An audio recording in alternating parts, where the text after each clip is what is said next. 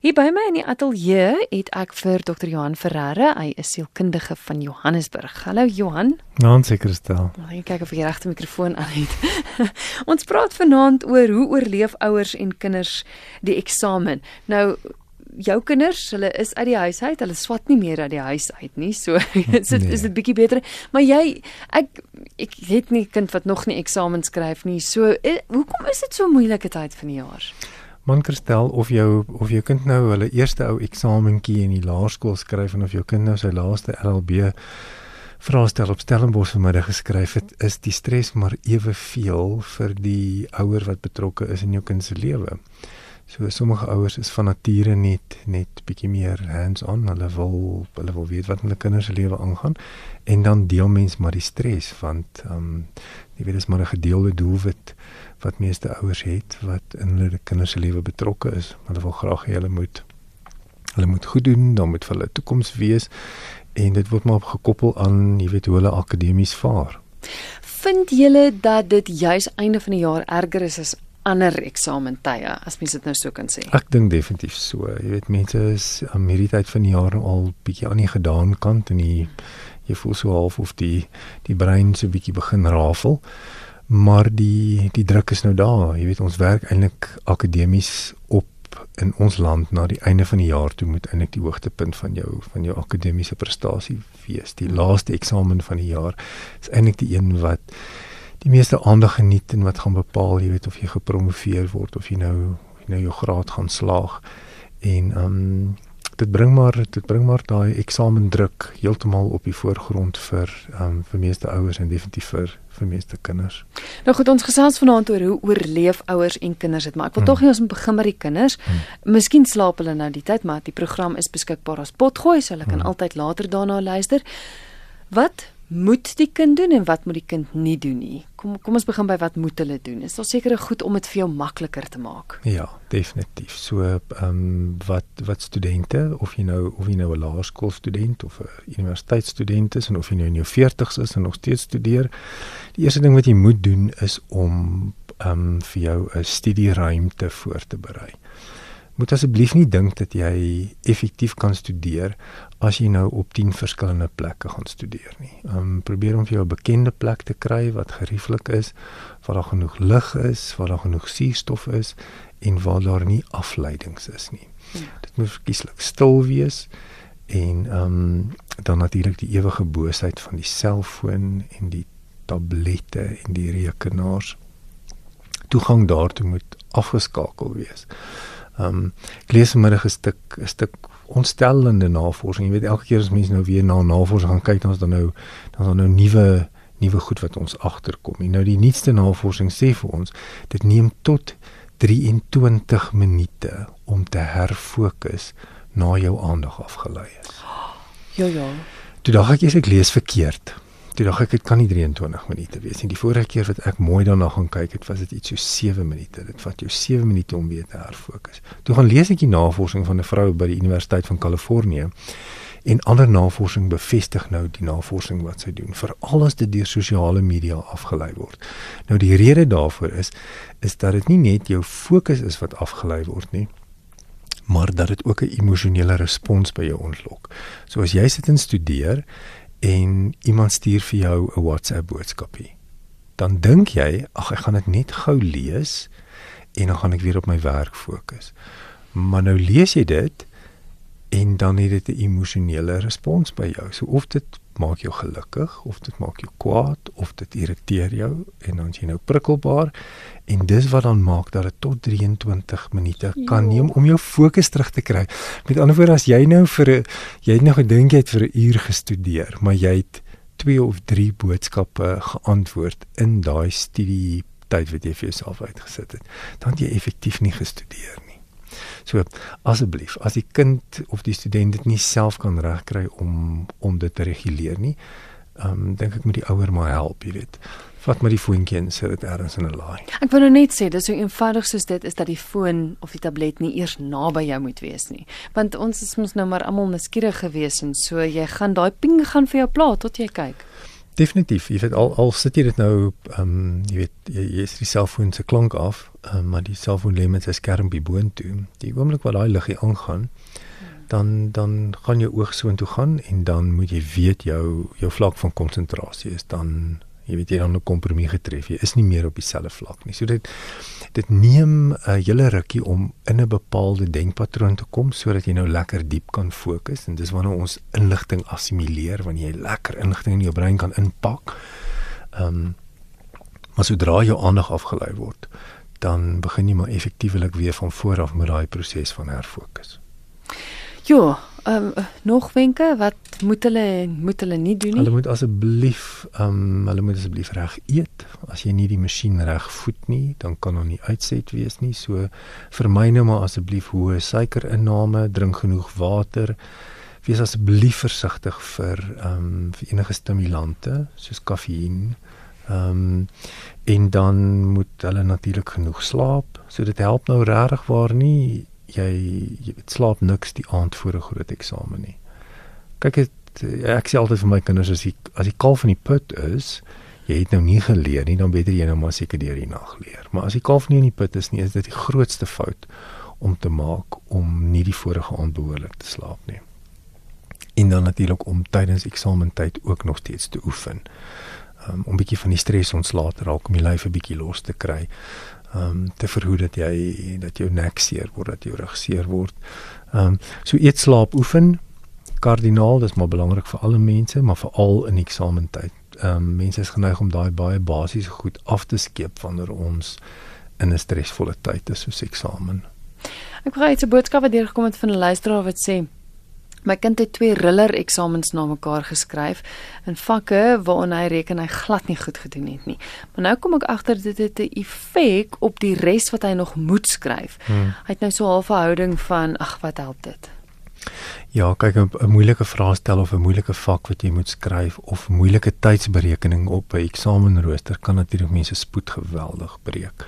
Ehm um, die ehm um, die ander dilemma wat ons kry is dat uh, ons kan 'n paar vakke kort na mekaar skryf en dan sê dan ons 'n week af voor ons die volgende vraestel skryf.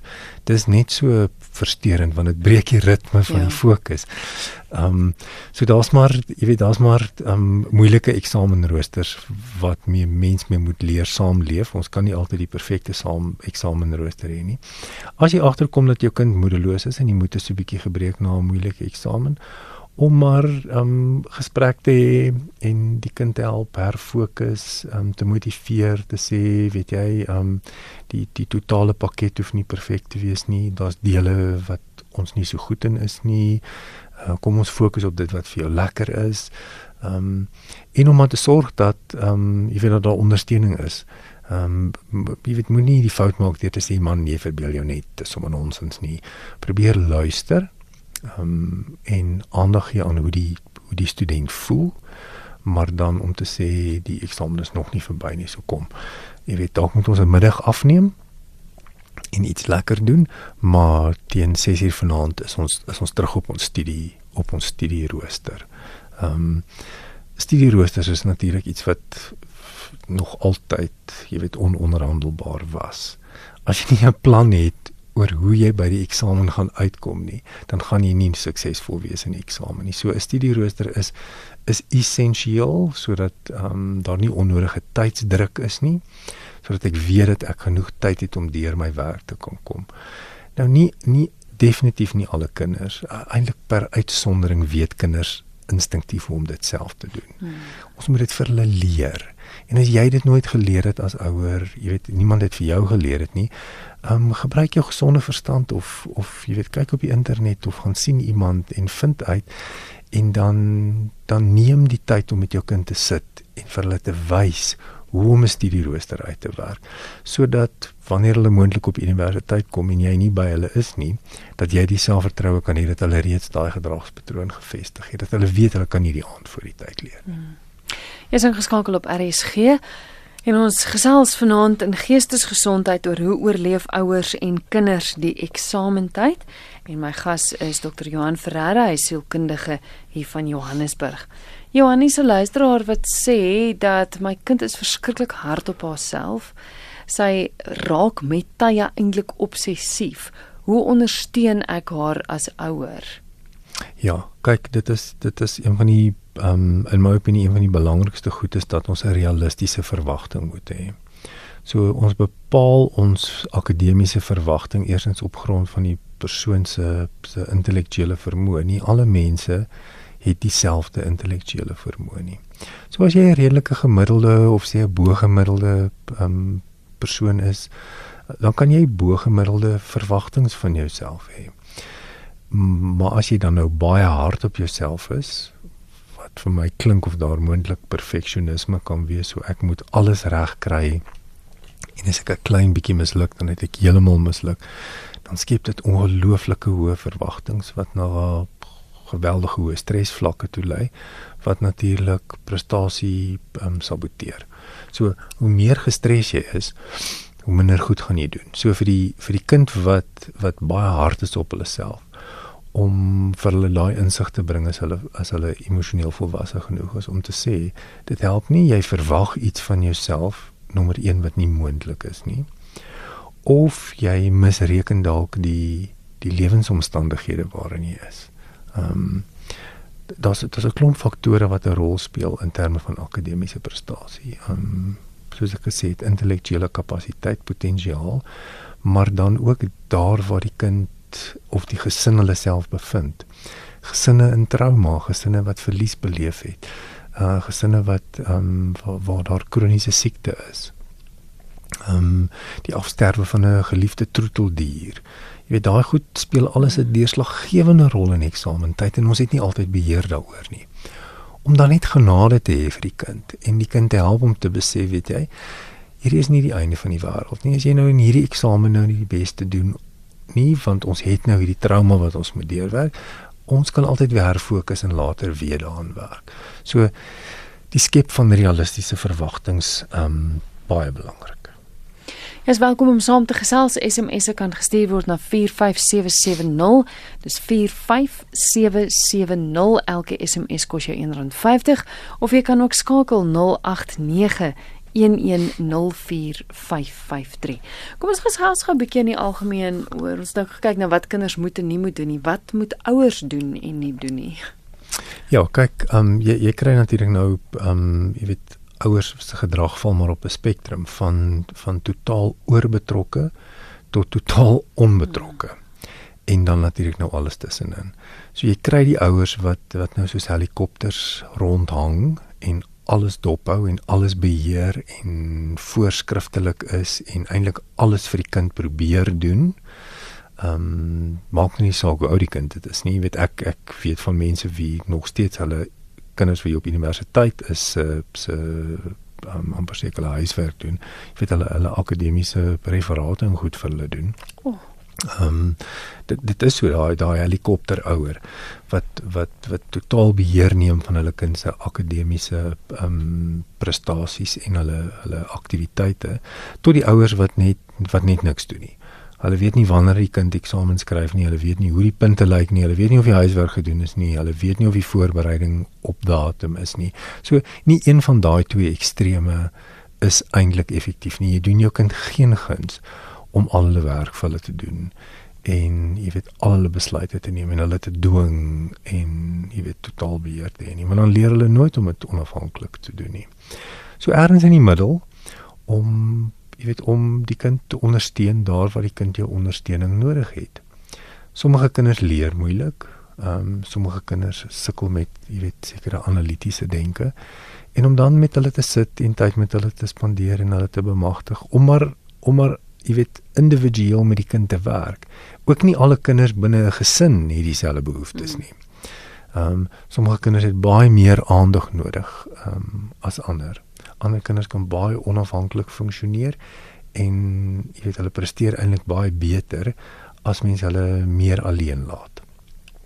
So jy moet maar jy moet maar 'n 'n strategie uitwerk wat vir jou en jou kind werk en dan ehm um, hierdie strategie moet sover as moontlik die konflik tydens eksamentyd laag hou. Ehm um, dit help nie daar is 'n bekleierery oor eksamens skryf nie.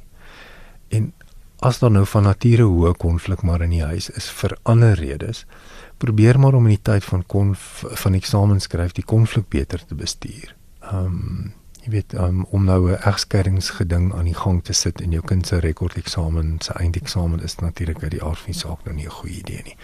So maar om die tydsberekening reg te kry vir wanneer ehm um, negatiewe gebeure kan plaasvind en ehm um, om om jou kind se persoonlikheid in ag te neem. Ehm um, jy weet mense verskil baie van mekaar. Is so 'n luisteraar, ek dink nie ek gaan dit noodwendig kan antwoord nie, maar wat vra hoekom kan die departement van onderwys nie seker maak dat die vakke ten minste 2 dae uitmekaar is nie in plaas van dag na dag en dan weer 'n hele week voor die volgende vak geskryf word nie. ja. ja. Ek kyk ek het ek het nou persoonlik gematrikuleer in 1981 en toe was dit ook so.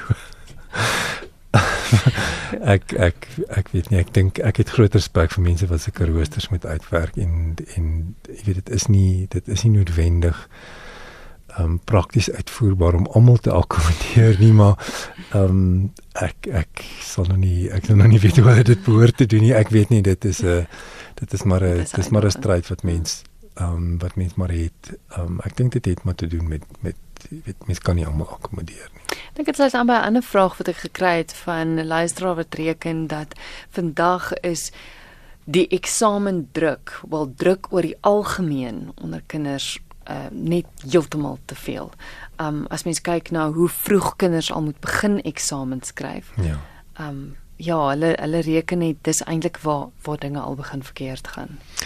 Kyk ek ek, ek stem volkome daarmee saam en daar's nou 'n daar's nou 'n wonderlike heeltemal 'n nuwe um, trend van navorsing in in die sielkunde wat um, wat nou uh, gepubliseer word wat vir ons wys dat hierdie dat hierdie oorprestering, hierdie oorverakademiesering van kinders eintlik baie negatief is. So van die van die top universiteite in die wêreld begin nou om na baie meer gebalanseerde studente te kyk om vir hulle vir hulle topprogramme te kies. Hulle kyk nie meer net na akademiese prestasie nie, want hulle het nou gevind dat kinders wat so geweldig akademies presteer, eintlik baie ongebalanseerd is dit is al wat hulle doen. Ja.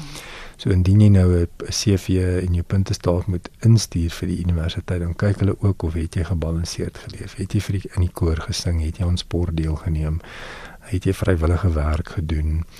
Nie net, jy weet, het jy 25 onderskeidings gehad nie. Ehm um, hulle kyk ook daarna. Maar nie net daarna nie.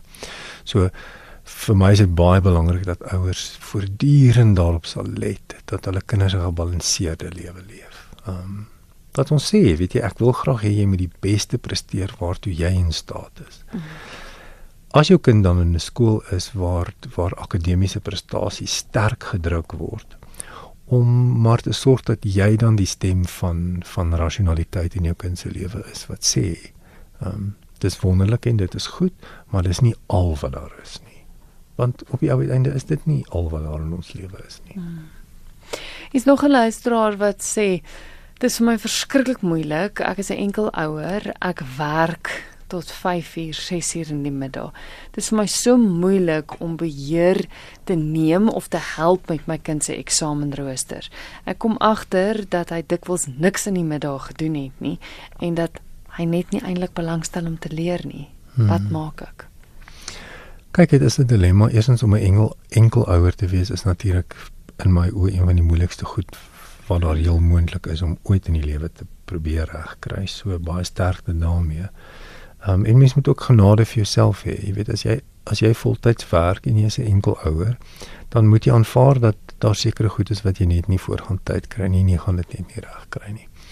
Ehm um, as jy agterkom dat jou kind, jy weet, um, akademies nie presteer volgens sy of haar potensiaal nie, om om maar te kyk, jy weet watter dele kan jy oorbeheer neem om dan te sê, ehm um, weet jy goed, ek gaan aanneem dat jy dan nou in die middag gaan rus. Maar dan teen die tyd dat ek by die huis kom, dan verwag ek dat jy gereed sal moet wees om te begin studeer. So as jy nou in die middag geslaapie moet doen, ehm um, tiener slaap gelukkig maklik in die middag, dan is dit reg, maar dan van 6 tot 9 sal ek dan toesig hou dat jy leer, want ek kom ons sien jy nie in die middag geleer nie. Net om 'n om 'n tipe van van werksetiek by die kind te probeer skep maar dan ook om te hou om te onthou dat hulle tieners is en hulle is maar hormonaal onstabiel en hulle vind hulle self nog en hulle individualiseer so hulle wil hulle eie ding doen. Ehm um, so nie nie om jouself nou, jy weet, te diskwalifiseer as ouer omdat jou omdat jou kind ehm um, nie noodwendig primêr gefokus is op akademie nie. Uh, baie min baie min hoërskoolkinders, wel baie min kinders is eksklusief gefokus op akademie. So om maar die balans te probeer hou maar om hulle te bemagtig en dan nou maar soms vir hulle te dwing om te leer. Ehm um, omdat dit vir hulle goed sal wees.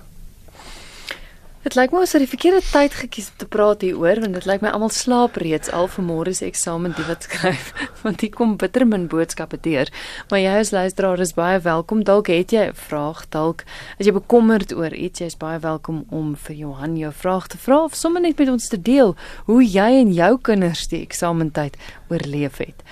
Die nommer is 45770 45770 elke SMS kos jou R1.50. Jy is ook welkom om te skakel 089 1104553. Dis 089 1104553. Ek spring nou so 'n bietjie vorentoe as die eksamen nou verby is, dis oor Desember tyd. Vir al matrikulante wat wag vir die verskriklike belangrike eksamen uitslaa en goeters. Hmm. Hoe oorleef mens dit as jy dalk in jou agterkop bietjie bekommerd is, dit is soos 'n swaard wat oor jou kop hang. Hoe, hoe hanteer mens dit?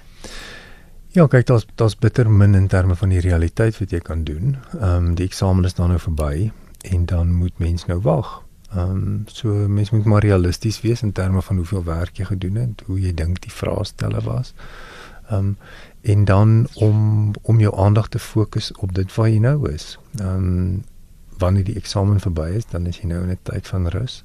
Uh, is eintlik nou maar 'n gedwonge tyd van rus om om dan nou daai tyd te gebruik om te doen wat vir jou lekker is. Ehm um, te ontspan, vakansie te hou, dalk 'n werkie te hê, 'n paar randjies te verdien as jy as jy voel jy wil dit doen. Ehm um, maar as jy gaan sit en daaroor top, dan gaan jy mos nou uit die aard van die saak negatief raak want um, jy is eintlik hulpeloos om nou iets daaraan te doen. So dis nie die regte tyd om daaroor te bekommer nie. Dit is die die regte tyd is dan nou om om dan te dink aan jou toekoms, wat is die alternatiewe? Ehm um, en te wag vir die uitslag. Dis nie veel anders nie. Hoe dikwels neem kinders hulle eie lewe in die tyd?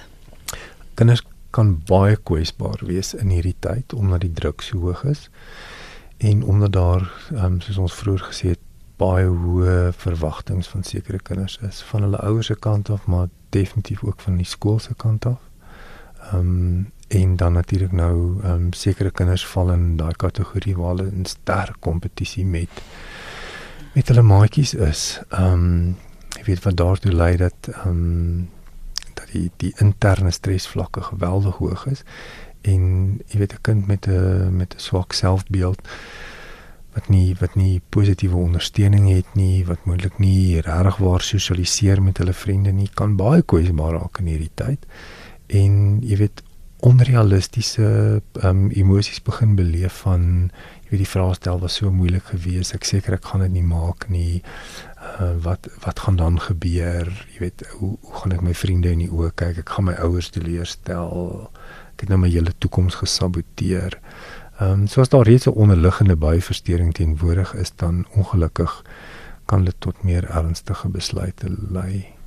Maar hoe tel mens dit op? Dit moet verskriklik moeilik wees want ek weet want as ons altyd praat oor oor tekens waarvoor jy moet uitkyk, mm. dan is dit goed soos kinders wat hulle self, jy weet, afsonder van ander, mm. wat nie baie praat nie, wat en, en dis tog goed wat eintlik in eksamentyd moet gebeur. Verstaan jy, jy wil hê jou kind mm. moet in sy kamer sit en leer. So hoe tel mens op as dit as dit tog onderliggend jy weet swak selfbeeld is, mm. depressie dalk, gestres is, daar hoe, ja. hoe tel jy dit op? Kyk, die beste teenvoeter daarvoor is nou maar om in 'n verhouding met jou kind te staan. Mm. Sodat daar tye is wat julle tog wel met mekaar gesels, sodat jou kind nie vrymoedigheid het om vir jou te sê, weet jy, dit gaan eintlik nou met my baie sleg of ek voel teleurgesteld of ek voel ek het nie goed genoeg gedoen nie. Ehm um, dis die beste teenvoeter maar dan om um, as jy dit vermoed um, net die kind baie definitief dop te hou en en as daar vir jou duidelike tekens is ehm um, kind slaap nie hou op met eet ehm um, raak teruggetrokke sonder hulle self af. Probeer uitvind waaroor gaan dit en en soek asseblief professionele hulp as dit die geval is. Hmm. Is 'n luisteraar wat sê ek ken 'n ma wat by haar kind sit, kry sy opsommings van 'n sekere plek af. Sy los hom nie alleen nie tot hy sy werk ken nie. Ek kan sien dat dit eerder oor kompetisie onder haar onder haar haar vriende se kinders gaan as enigiets anders. Ja, kyk, dit is ehm um, tieners sal ook vir jou sê, ehm um, jy weet, ehm um, sommige ouers het het stel die doelwitte. Hulle sê jy moet soveel kry. Ehm um, vir sekere vakke. Hmm. En dit kan oor 'n verskeidenheid van ehm um, van motiverings gaan. Dit kan daaroor gaan dat die ouer net regtig waar wil hê dat die kind goed moet doen omdat die kind dalk hoë potensiaal het. Maar dan is daar natuurlik daai ego gedrewe ouers. Ehm um, jy weet wat wat eintlik deur hulle kinders se prestasies leef vir wie dit ongelooflik belangrik is. Daai ouer wat so by daai kind sit en alles beheer en vir die kind leer en vir die kind die opsommings maak. Moet net onthou hulle bemagtig glad nie hulle kind nie. Ehm um, hoe gaan daai kind ooit leer om dit self te doen as hulle dit nooit self hoef te doen nie. Ehm um, so teen die tyd dat daai kind op universiteit kom, ehm um, wat gaan die ouer nou saam universiteit toe gaan?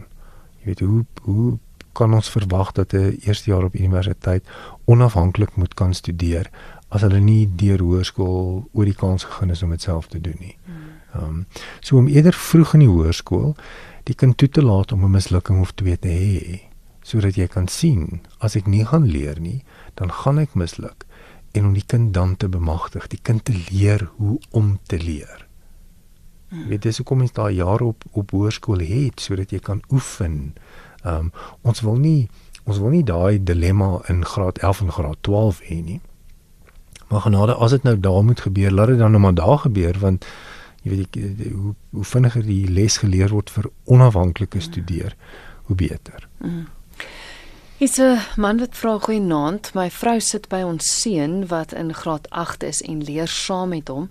As hy alleen sit, is dit vir net 5 minute en dan kom vra hy of sê dat hy nie verstaan nie, maar dit blyk dat hy dan besig raak met ander aktiwiteite hmm. wat in die huis aangaan. Hy is ADHD, moet sy so by hom sit. Ja, kyk die dilemma met die aandag of leibaarheid is dit dit vir daai spesifieke kinders geweldige groot uitdaging is. Ons moet asseblief nie dit buite rekening laat dat hulle regtig waar regtig waar sukkel om om om behoorlik te fokus. En so die die eerste ding met 'n kind met ADHD is is die, is die kind op die regte medikasie en gebruik hulle die medikasie soos hulle moet en dan ouers met met kinders met aandagafleibaarheid het net 'n groter taak. Hulle hulle moet baie keer um vir langer tye sit en help. Maar op die ou uiteinde moet dit so ver as moontlik na bemagtiging toe lei. Dit moenie net ondersteuning wees nie. So die ouer wat sit en help, het 'n ondersteunende rol. Maar uiteindelik moet die ondersteunende rol na bemagtiging toe gaan. So ek moet vir jou wys hoe en jy moet dit op jou eie kan regkry. Ehm um, mm. want anders gaan sy ma by hom met sit totdat hy die dag nou uiteindelik klaar gestudeer het en dit dink ek kan baie disfunksioneel wees. Ja. Nog iemand vra, is dit is dit wel so dat musiek jou help om beter te konsentreer wanneer jy swat? Man, weet jy, dit is 'n dis 'n interessante navorsing. Ek het nou vanmiddag na weer daarna gekyk want ek het geweet mense gaan iets daaroor vra. En dit is so dat vir sommige mense help dit as daar meer as een bron van stimulasie is terwyl hulle studeer want ehm um, kyk ons brein is mos hoogs gesofistikeerd. So as sekere mense, nie alle mense nie, sekere mense as hulle na musiek luister, dan konsentreer en fokus hulle beter. Ehm um, dit hang natuurlik nou af na watter musiek jy luister. Kan nou net vra ja. En ehm um, en en jy weet mens moet maar kyk of dit werk. So jy weet as jy as jou kind sê nee maar ek konsentreer beter as ek na musiek luister, kies dan nou maar 'n eksamen wat nie so belangrik is nie en laat die kind dan na musiek luister en kyk hoe die punte lyk. En as die punte inderdaad beter is, dan weet jy jou kind is een van daai mense wat eintlik op jy weet op 'n multidimensionele vlak kan konsentreer. Ehm um, daar daar's die die die, ehm um, ou navorsing, jy weet wat oor die oor die ehm um, klassieke musiek gaan wat dieselfde breingolf indiseer wat wat ons nodig het om te fokus. Dit dit is so ehm um, navorsing bevestig dit nog steeds. Ehm um, maar ons kan nie net sit en musiek luister nie. Ons sit eintlik en studeer en die musiek is daar om een of ander vorm van verhoogde konsentrasie te veroorsaak. Maar mens moet maar probeer probeer en tref kyk kyk of dit vir jou gaan werk. Maar dis waar wat jy sê, baie interessant wat jy nou gesê het van jy het eintlik jou skoolloopbaan om om te oefen, wil ek eintlik hmm. op sê. Want ek weet ook verskillende maniere van leer werk vir verskillende mense. Ja. Ek weet ek moes altyd voor my kas deur het ek gemaak asof ek 'n juffrou is hmm. vir my poppe geleer. Maar dis hoe dit vir my hmm. gewerk het. Dis hoe ek geleer het. Ek was nie een van daai wat stil kon sit nie. Ander het weer highlighters nodig hmm. en het en het ja, so so dis eintlik al jy moet uitvind wat werk vir jou want ons almal verskil tog. Dit is so en dis hoekom ek dink dit so belangrik is dat teen die tyd dat kinders hoërskool toe gaan, dat ouers werklik effektief met hulle saam met hulle begin eksperimenteer en kyk wat werk vir die kind. Ehm um, wat nie werk nie, ehm um, is om werk uit jou kop uit te leer. Ehm um, dit gaan in die korttermyn geheue in en dis waar dit bly. So teen die tyd dat jy klaar eksamen geskryf het, kan jy niks onthou nie. Dit werk net as mense beperkte hoeveelheid werk het om te leer. Teen die tyd dat jy deesdae hier ehm um, in graad 10, graad 11 kom, dan is die werk in elk geval te veel dan kry mens maar dat mense dan nou selektief leer. Ehm um, hulle leer nou nie al die werk nie. Die tyd op jy universiteit gaan kom of jy weet um, enige naskoolse kwalifikasie by ehm um, by 'n plek wil kry, gaan jy jy, jy gaan definitief nie die die werk gaan te veel wees. Jy gaan dit nie uit jou kop uit kan leer nie. So dit moet meer oor begrip gaan dat ek die werk werklik verstaan en dat ek dit kan integreer sodat ek dit weer kan weergee. Mm. Nog 'n luisteraar wat sê ek het twee kinders in graad 5 het ek hulle geleer om self te leer en huiswerk te doen. Ek weet presies wie wanneer wat skryf en ek ondersteun hulle, maar leer en huiswerk is hulle eie verantwoordelikheid. Dis waarna ons almal streef. so wel gedaan. Ja, wel gedaan. Hoe vroeër mense dit reg kry. Ehm um, en dit het ook maar met jou kind se persoonlikheidstyl te doen. Ehm um, sommige kinders leer die vaardigheid makliker aan. Ehm um, en vir ander bly dit maar 'n redelike groot uitdaging. Maar hoe gouer mense dit vir hulle leer, hoe gouer is dit 'n onafhanklike taak wat hulle kan voltooi. En het hulle nie regtig waar meer jou supervisie nodig nie. So dan kan jy van tyd tot tyd net gaan kyk, jy weet, ehm um, is hulle besig met wat hulle sê hulle is besig en dan doen ons die eksperiment van goed ehm um, hierdie kwartaal gaan ek jou los om te doen soos soos jy goed sien en jy kan vir my kom vra en dan kyk ons lyk die punte. En as die punte nou nie na wens is nie, dan moet ek volgende kwartaal mos nou maar weer inspring. Maar dit is nou 'n bietjie laat as dit mense nou dit in graad 11 en graad 12 wil begin doen. So ek moedig mense gewoonlik aan om dit vroeër in die kind se skoolloopbaan te mee te eksperimenteer en net te sê, kom ons kyk hoeveel van my hulp het jy nog nodig. Mm. Mm.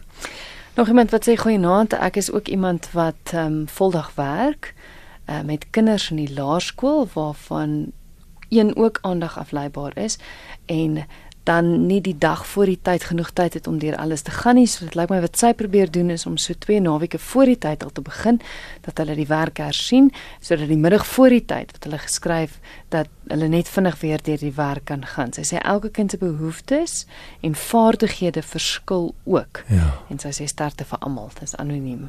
Ja, nee kyk, sy het 'n plan. Sy het 'n plan hierdie ene. Mm. En lyk like my die plan werk. Mm. So ehm um, mens mens kan nie dieselfde resepie vir almal gebruik nie, ongelukkig nie. Ehm um, weet nie almal se vermoë is dieselfde nie en nie almal se persoonlikheidstyl is dieselfde nie en nie almal se assimilasie van kennis is dieselfde nie. So mens hoef nie 'n spesialis te wees om dit om dit uit te werk nie. Jy moet jou kind goed genoeg ken om te weet iets werk vir my kind of iets werk nie vir my kind nie. So as jou kind primêr visueel is, gaan hy nie op 'n auditiewe manier leer nie.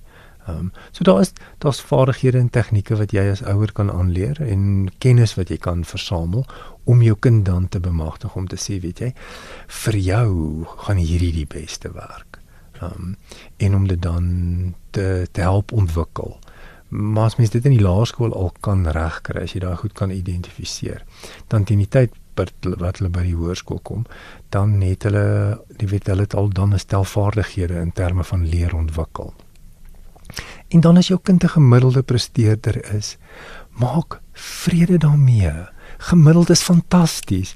Jy weet ek met ouers praat en, en hulle wil die piep kry oor hulle kinders 65 gemiddeld het in die laaste jaar van laerskool dan weet kan ek deur die dak spring want dit is fantasties dit is wonderlik jy weet behalwe as jou kind nou 'n geniale um IQ het dan het, dan is hy seker nou of sy nou maar 'n onderpresteerder maar ons het nog tyd. Jy weet, daar's baie tyd. Hulle moet nog speel. Hulle moet nog ander lekker goedjies ook doen. Hulle hoef nie nou al jy weet die die top presteerders te wees nie. Want teen die tyd dat hulle in die middel van hoërskool kom, dan is hulle uitgebrand. Mm, mm. Dan sal hulle nou nie meer lus om te leer nie. Hulle het hulle nou foos geleer in die laerskool. Ehm um, so dis ook nie goed nie. Kyk al wat ek weet is ek is skrikkelik bly ek is klaar met skool en ek het klaar geleer. Dis rof. Dit dit is 'n rowwe tyd. Dis dit is ja. baie stresvol en ek dink ons as ouers moet dit net onthou. Mm. Mm. Dit is nie 'n maklike tyd. Eksamentyd is nie 'n maklike tyd nie. Maak nou nie saak of jou kinders toppresteerders is of onderpresteerders is nie. Dit is 'n geweldige stresvolle tyd. So ons moet dit onthou en net genade hê en ag, jy weet so 'n bietjie bederf ou teetjie aandra, sorg dat daar nou ietsie is om te eet. Um net net net om hulle so 'n bietjie geliefd te laat voel en net te laat voel weet jy ag jy weet die hele lewe gaan nou nie rondom die ou eksamen nie. Daar's daarom ander lekker dinge ook. Mm.